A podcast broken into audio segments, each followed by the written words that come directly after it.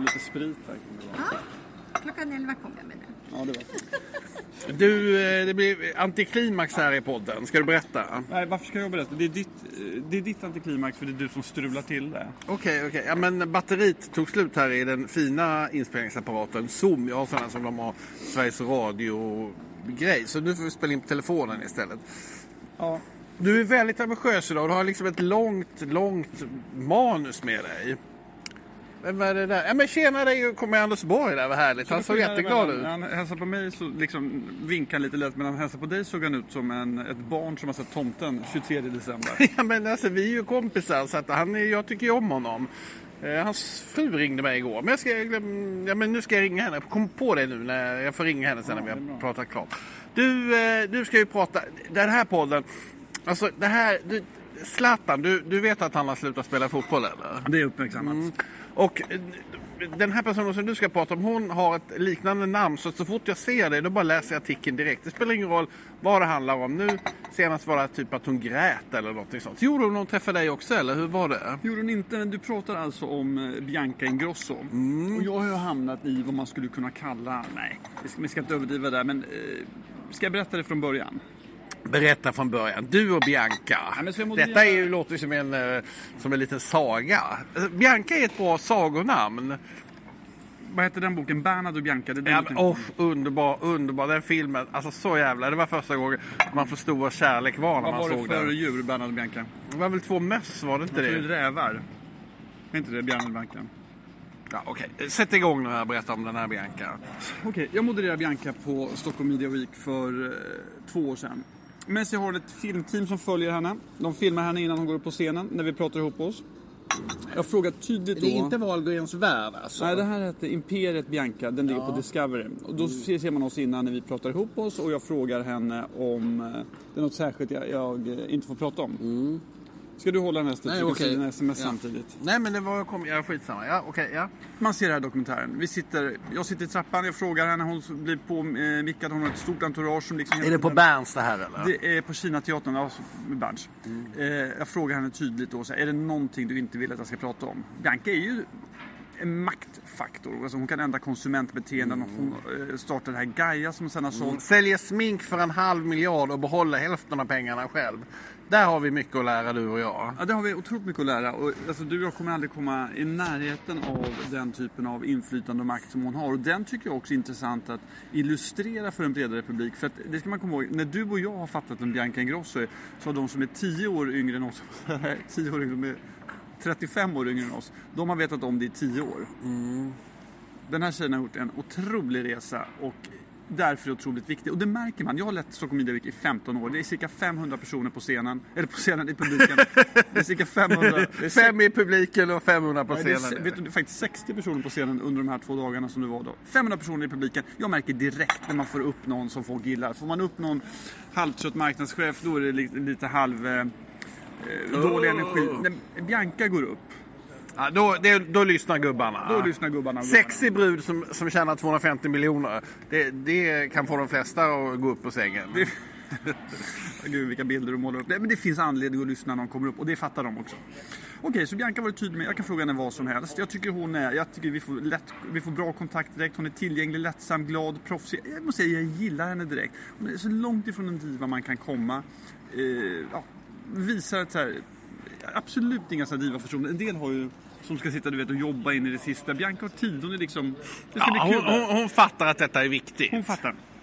Nu ska jag tjäna 100 miljoner till, tänker hon. Det kommer vara På inga den här problem. Fjanten, Janne. Janne Långben ska hjälpa till. Okej, så det är en stjärna som är den här dagen. Hon vet det, publiken vet det, jag vet det, alla vet det. Samtalet börjar, det går bra. Vi pratar lite om pengar. Bianca låtsas liksom inte riktigt veta. Jag får lite den här känslan som man får med Victoria Silvstedt också. Du vet att du ska spela lite borta. Jaha, det är så mycket. Oj, är det så många Anette? Kullenberg-knepet. Exakt så. Ja, pre- precis. Kanske precis så. Hon trilskas lite, låtsas missförstå. Men som sagt lätt att prata med. Jag tycker hon är charmig, smart, ler. Oj, oj, oj, oj, helskotta. Är det skilsmässa eller?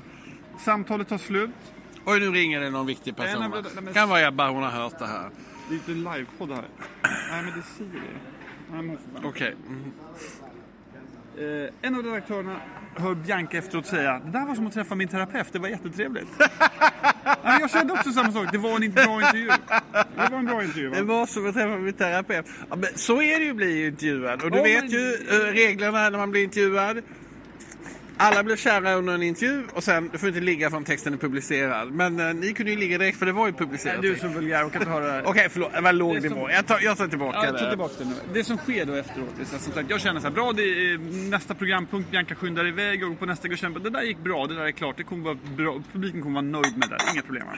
Sen bor vi några kvarter från varandra, Bianca och jag, det här är två år sedan. Vi springer på varandra säger då, någon gång i kvartalet. Vinkar glatt, frågar någonting, eh, säger att det är varmt. Ni är lite, ute. lite kompisar. Alltså, men verkligen på så att säga nivån att vi, har, vi har, jag märker att vi har ingenting otalt. Nej. Vi är inte kompisar, vi stannar inte när vi går förbi varandra, vi gör det i rörelse, men vi vinkar och säger någonting. Okej, okej, okej. Nickar. I rörelse. Jo, Lite som det- Anders Borg här, han gick förbi i rörelse, han kom inte fram. Fast han, det ser väl lite upptagna ut i och för sig. Ja, men hade inte jag suttit här hade han ju kommit fram Ja, men det hade han nog gjort faktiskt. Jag kanske har fått en kram till och med om han har varit på gott humör. Det är konstigt det med dig att krama, för jag försöker krama dig varje gång och försöker, det är som att krama en isbit. Antingen är du, antingen är du fysiskt rädd för mig, Ja, men, ja. men det kan också ha att göra med att jag är i så jävla bra form och du är i så dålig form. Ja, nej men absolut. Var faktiskt, jag tänkte det. Vi kramades en gång typ ett halvår sedan på, på, på Rish och då var du tjock som en tunna. Och, och till och med Anna sa vad tjock han har blivit. Och sen nu har du gått ner och du är smal och smärt och solbränd. Du ser jävligt fräsch ut alltså. Själv har jag Hur ser du ut? Kolla vem som kommer där, ser du? Ja men är det Martin Curie? Ja, Oj, oj, oj. Alltså hans frisyr tänker jag på väldigt ofta. Och jag tänker också på det faktum att han kom ju liksom, där han pionerade, han hade varit i New York eh, som någon slags inneboende där och sin pappa i 12 000 år. Så kom han ner nästan som en uteliggare. Och sen så har han liksom seglat igenom systemet och nu går han liksom bara runt och väntar på att bli chefredaktör på. Aftonbladet. När ska detta ske? Och tänk om det inte sker. men det är roligt- det är lite som för Karin Olsson. Hon satt också där och väntade på att bli chefredaktör. Det Och så också- blev det någon konstig fjant från Dagens Media som fick bli det Det istället. var Martin också, det var min Ja, poäng. alltså... Okej, nu ska vi tillbaka till Bianca Ingrosso istället för att höra dig. Nej, men jag tycker det här var mycket mer spännande. Okej, så Bianca och jag, du har fattat grejen. Vi Ja, ja, ja. Ja, Det ni- funkar bra, ni- det är ja. dokumenterat, Ja. vi träffas på gatan, inga problem. Sen kommer den här dokumentäret, Imperiet, ut. Och då så får jag massa sms av folk som har sett avsnitt 5 där de säger en otroligt massa saker. Den här dokumentären är bra för den visar ungefär precis det jag har sagt. Men den visar också vad som har hänt när jag fortsätter på Stockholm Media Week med nästa programpunkt och hennes entourage på något sätt ska trösta henne. Och då får jag känslan av att hon tycker nog att det gått rätt bra. Entouraget verkar tycka det gått åt helvete. Så de börjar direkt prata om hur sträng jag har varit, varför jag ställer så konstiga frågor för, varför hela jag är en konstig uppenbarelse, eh, varför jag pratar så mycket om pengar och allting beror på, naturligtvis då, inte på att hon är en person som säljer smink för vad sa en halv miljard kronor och behåller 250 miljoner själv, utan för att hon är kvinna. Det Okej. är entouragets slutsats. Och jag tycker att det är konstigt Jag tycker intervjuer. entouraget verkar väldigt B-entourage. Men alla i ett entourage är ju B. Ja, Det är därför de är entourage. Ja men det är, de, de bara går runt där. De, har, de skulle ju aldrig klara sig utan Bianca. Det måste ju vara väldigt plågsamt. Nej men det är ju tvärtom, precis. Och därför måste de hela tiden då fylla sin roll. Anpassa sig för situationer och tala om att hon är bra och någon annan var dålig istället för att bara konstatera det. Men jag tycker samtidigt lite... En del i entouraget verkar lite begåvade. De är, alltså Alltså inte- det, vissa av dem Men- har ju tjänat sjukt med Men pengar är också. binära när du pratar om begåvade. Det är klart att de inte är obegåvade. Men det är frågan vad de är be- begåvade på. Jag tycker att det här är samma sak som bokförlag när det kommer en dålig recension. Man ska alltid hitta ett skäl till varför det gick dåligt för. Det kan ju vara liksom så enkelt att ett, det här var en, de gillade inte boken. Här är ju samma sak här. Den här intervjun var, var bevisligen bra. Det känner, nej men på riktigt, det känner man ju i rummet. Och det var ju inte min förtjänst. Det var ju hennes förtjänst såklart. Okej, okej, okej. Hur Men kommer en det... Ja, fråga förlåt, till dig ja. nu. Om, jag kan, om du kan hålla en linje. Ja. Jag tycker då det är konstigt att det är, det är speciellt med den här typen av stjärnor som eh, omger sig med av manager. Men sen så tycker jag då att en person som har så mycket makt och inflytande som Bianca måste kunna tåla tuffa frågor. Man måste kunna ta ett sånt öppet samtal, men det kan man icke göra nu längre. Mitt stora dilemma nu Viggo. vad vad ska jag göra när jag nu, kanske någon gång innan midsommar, springer på Bianca Ingrosso igen? Ska jag låtsas som ingenting och hälsa och säga så vad varmt det är ute, hoppas du får en bra, sommar Bianca? Eller ska jag öppet konfrontera henne och fråga sig, Bianca för helvete, jag trodde vi hade, vi hade ett bra samtal, varför ska jag se det här för på TV? Ja, men alltså, så fort det är en podcast om Bianca då rapporteras det i alla kvällstidningar och den här Bloggbevakning, en av Sveriges sämsta skribenter som har hittat ett av de mest lukrativa områdena att skriva om. Bloggbevakning? Ja men det finns en, jag glömt bort vad han heter. nu. Poddbevakning? Eller heter det bloggbevakning? Nej, det heter bloggbevakning. Hon skriver ju liksom, hon är den undersö- enda undersökande reportern. Alltså hon har ju ersatt eh, vad heter det, Dagens Media och Resumé med den mest kritiska podden. Hon är, alltså intressant fenomen, men hon tar ju upp sådana här grejer. Nu hade de, ja, nej men det, det finns något cirkulärt här mellan eh, podd det, är liksom den här bevakningen av bloggarna och här Jo men, eh, jo, men? Bianca kommer ju få veta om det här samtalet. Hörde du podden? Vad tyckte du? Kan du säga till henne. Det är, hon är nog ganska upptagen av sig själv. Skulle... Chansen att hon skulle lyssna på det här. Aldrig. Alltså skulle säga en sak, hörde du podden? Alltså, det illamående av det förslaget ens en gång. Nej, men alltså, det, det troliga är ju att hon kommer lyssna på podden. Jag tror folk eh, är väldigt upptagna av att höra sitt eget namn i vår podd. Det kan vara en av framgångsfaktorerna. Det här är ingen framgångspodd för det första. det att du ska Nej, men alltså, vi når ut i vår målgrupp. Det är viktigt att förstå. Hon är inte vår målgrupp. Jo, det är hon. hon hon riktar mig ja, men bara till Johanna Kelius och nej, på nej, men spel. Det är alltså, enda målgrupp. nej, men alltså, hon är en del av vår målgrupp. För hon vet att Leif Månsson har väldigt mycket att säga till om på Rish. Det vet eh, Bianca om. Okej, vet du vad? Vi ska få brygga här. Du, eh, så ditt råd, det är fort, du har fortfarande inte sagt vad jag ska Nej, göra. men målet ska bara vara att eh, ni ska liksom, du ska ju fråga om ni kan starta någon ny affärsverksamhet och så, så kan du också tjäna Jag några ska hundra göra miljoner. Jonas Gardell-knepet helt enkelt som han gjorde mot, vad heter han, eh, Staffan Tjeje i eh, fång, flott, Stjärnorna på slottet. Att du först ska vara jättevänlig som jag var och sen ska du vara djupt, djupt kränkt. För att sen få den andra personen, Bianca ska be mig om ursäkt helt enkelt. Eh, Briljant. Ja, men alltså så- Vet du, du pratar så högt här så jag tror fan med att vi kan ha en livepodd här. Vi behöver inte ha någon mikrofoner. För folk hör, hela, hela Stockholm hör vad du skriker ut. Du, okej vi brygger här till Leif Månsson. Han fyllde 60 i onsdags. Oj, ja, men det ska vara något kalas imorgon tror jag. Imorgon klockan 13. I- Imorgon klockan 13. Ja, men då får vi åka dit och, och fira honom. Vad roligt. 60 år, det är ju lite overkligt faktiskt. Eh, ja, nej, men det var bara, vi får ju bara gratulera honom då så mycket. det och sen så får vi ju verka för att eh, Rish börjar med frukosten igen här så vi kan eh, Tänk sitta att vi där. ska behöva sitta du och jag på grodan här. Nej, jag tycker det är jättetrevligt att sitta här.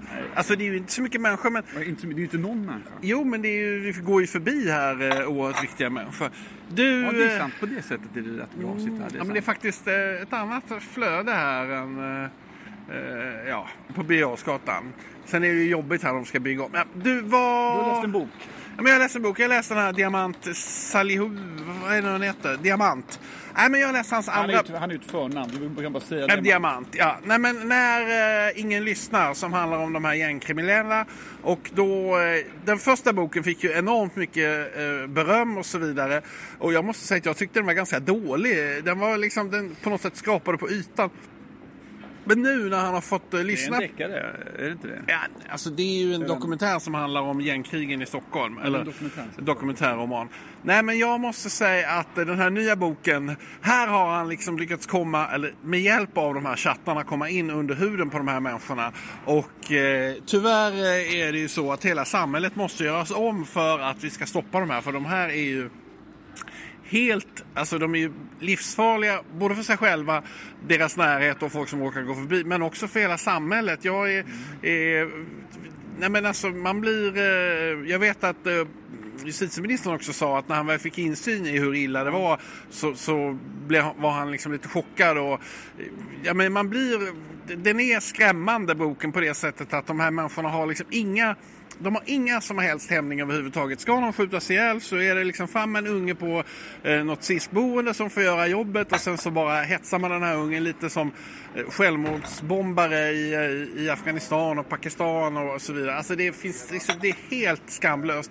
Och sen så när de då blir avslöjade och så, då anser de sig vara politiska flyktingar för att eh, Sverige har inte rätt att avlyssna sina egna medab- medarbetare. Så att, alltså skamlösheten hos de här människorna och deras liksom konta- de bor inte, de är inte alls, det är väldigt eh, sorgligt. Men, jag bara fråga dig ja. lite grann om den här boken då. Ja. Eh, Diamant tycker jag verkar vara en eh, förträfflig person när det kommer till både att, eh, jag, ser, jag har inte läst någon bok av honom, men i alla andra sammanhang att berätta, se de här skeendena, förklara det. Hur, hur skulle du beskriva boken rent litterärt? Nej men, bok, nej men boken är, alltså den, den ska inte vara, det ska inte heller vara för litterärt men det är lite Han kan skriva. Ja, men han kan skriva, jag tycker att han gör det bra. Jag tycker också att han har kommit nu till den här nivån. Alltså, tidigare var det ju så att det här området dominerades av Lasse Wierup från Malmö. eh, Eller Skåne, Åhus är han från, från början. Han ägde liksom gängkriminella och hade koll. Ja men tjena tjena! Ja, vi må bara vi sitter här och poddar lite. Ja, nej, men här såg vi en av Stockholms vackraste män här gick förbi här.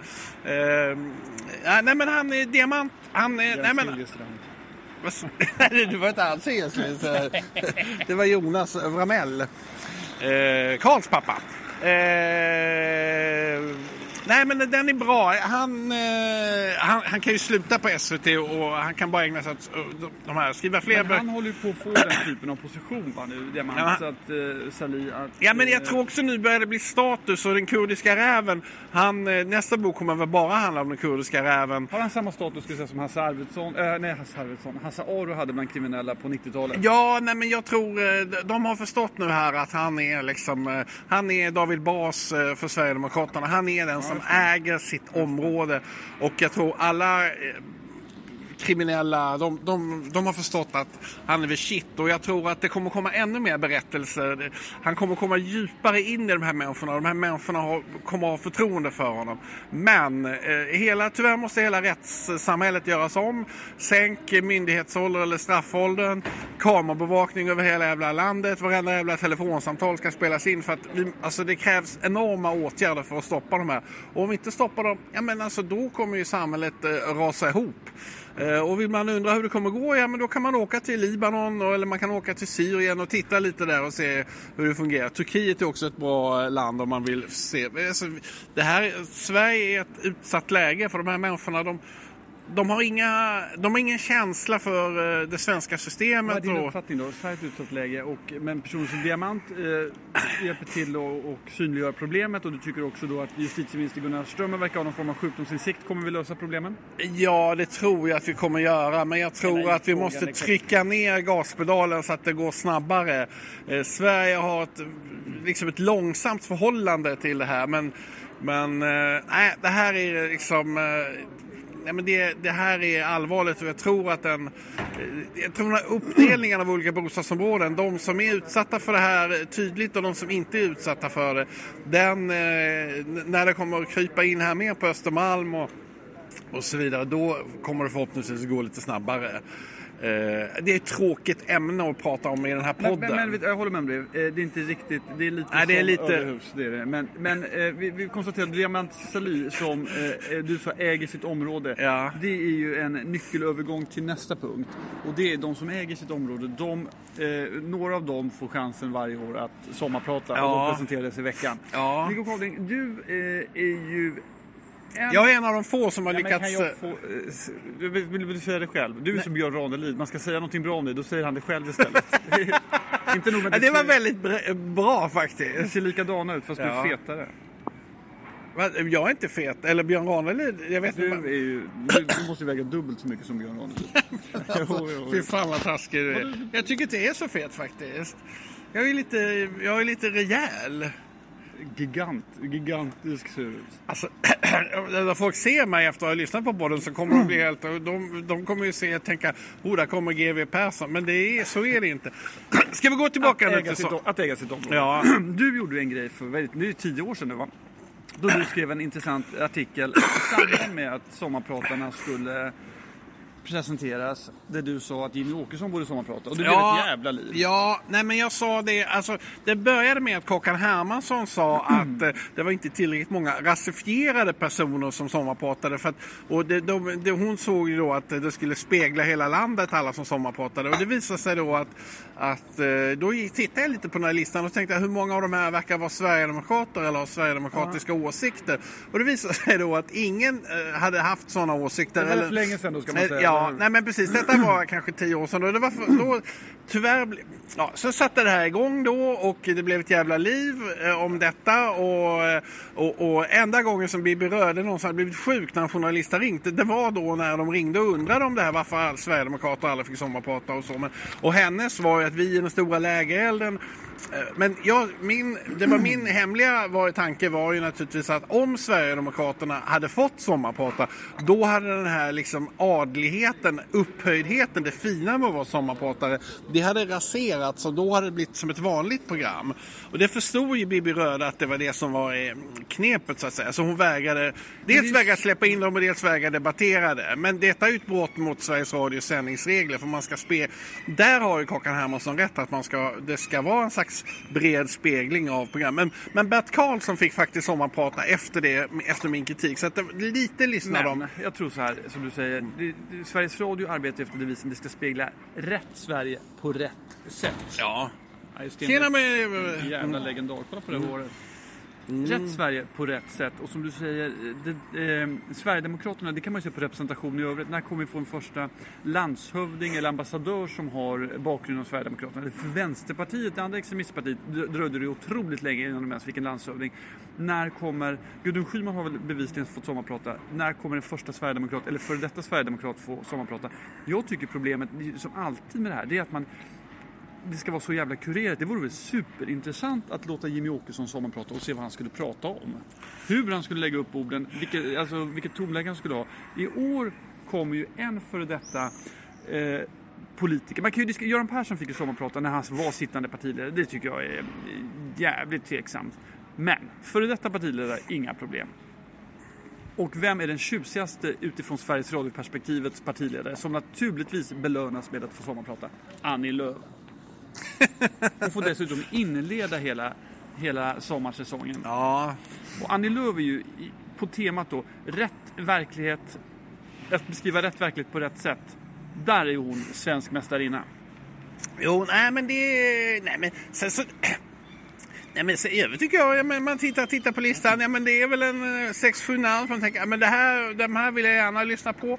Och sen så är det, några stycken som man tänker, ja men de här kan jag väl lyssna på. Och sen så slutar det väl med att man lyssnar. Jag tror att man blir lite dummare på sommaren. Alltså det är lite därför som sommarpratarna har en chans. För att eh, den allmänna nivån i samhället sjunker ner och sen så är det några då som har liksom förberett sig hela livet på sommarprata och då kan det ibland bli bra program och sen så, ja, så rullar det liksom på. Ja, men det handlar ju inte om att vara dum, det handlar ju om att vi, vi får tid på sommaren. Och det måste jag säga att jag tycker det är så otroligt skönt att vi fortfarande har ett samhällsklimat som går ner i varv på sommaren. Så man kan lyssna på ett program, radioprogram som är 90 minuter som kanske inte handlar om någonting speciellt. Att man kan unna sig det. Det tycker jag är underbart. Och jag måste säga också, jag tycker inte de här jag lyssnar på alla sommar, eh, sommar, eh, sommarprat. Jag är inte ute efter den, här- den storslagna Lena Andersson-berättelsen.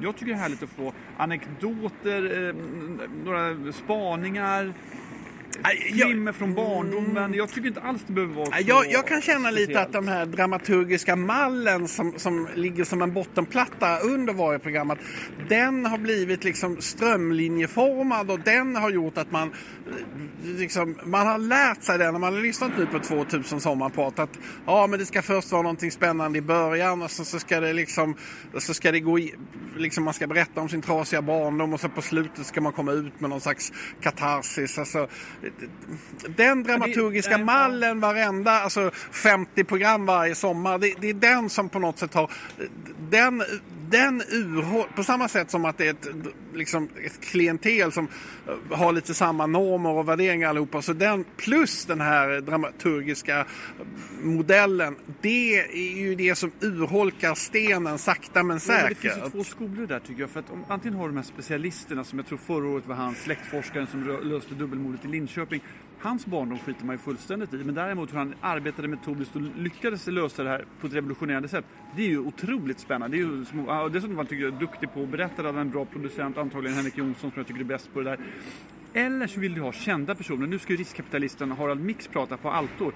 Hans uppväxt i det jag tror är Falun. Det är superspännande att höra. Det vill jag veta allt om hur han lyckats bli så både förmögen och eh, framgångsrik. Sen är jag skadad för att jag har läst för mycket böcker från Ekelit förlag så jag går igång på de där, men jag går igång på de där memoarerna. Du vet, det, alltså det Jo, som ja, jag, ja, Jan ja. Stenbeck är. eh, Ja, nej men alltså jag tycker ju att den här dramaturgiska modellen som vi arbetar efter, kaosmetoden, den, två, tre program på det sättet, Det hade ju revolutionerat. Det hade ju liksom, då hade ju de här de som sitter liksom i koma och måste sondmatas och sen skriva en recension om sommar. De hade ju liksom, då hade det brakat loss ordentligt. Ja, men vi har några här då. Det för det första tycker jag man ska gå tillbaka till och kräva att alla pratade live.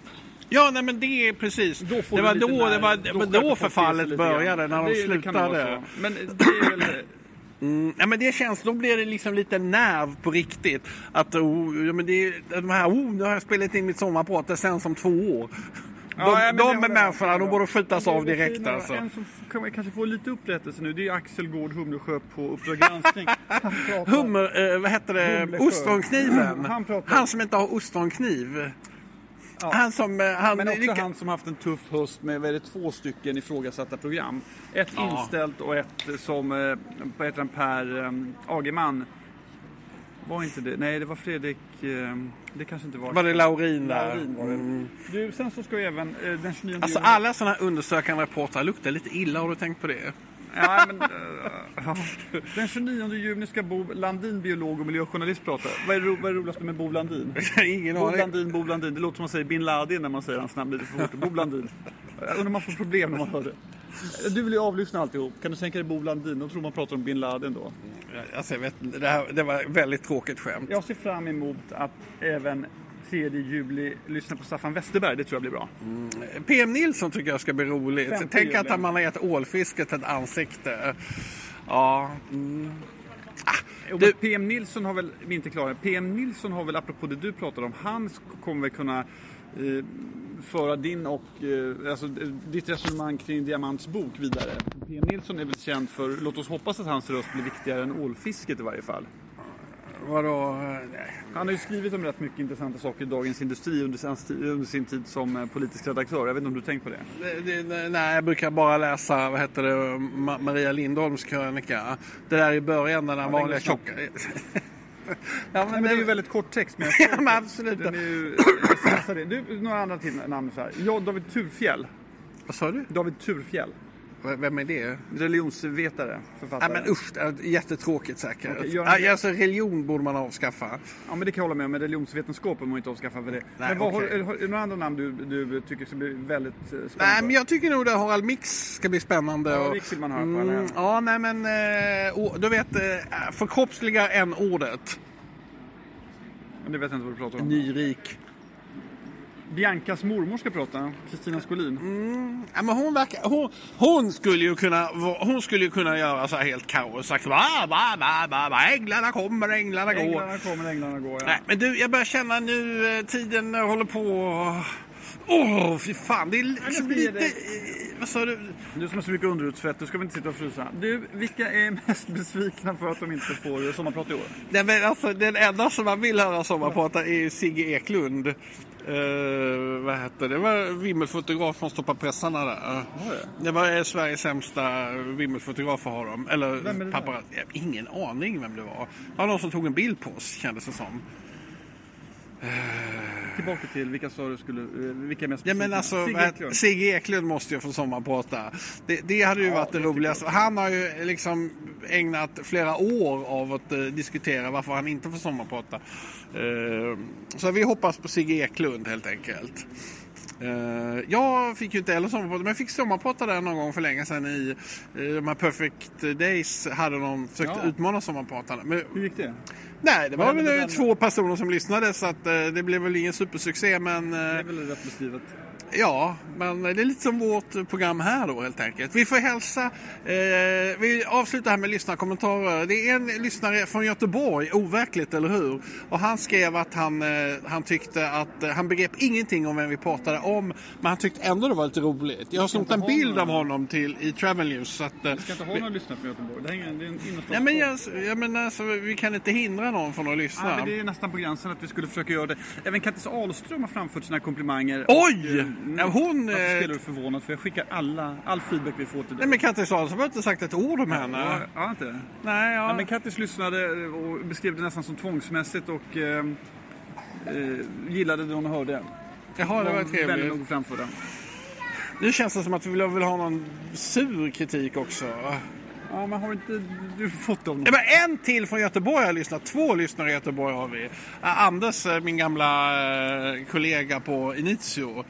Eh, Men du, eh, nej, nu... Nu... eh, Vad ska vi göra nu? Ska, nu ska jag gå och träna. Oj, ja, fan vad du är ambitiös. Okej,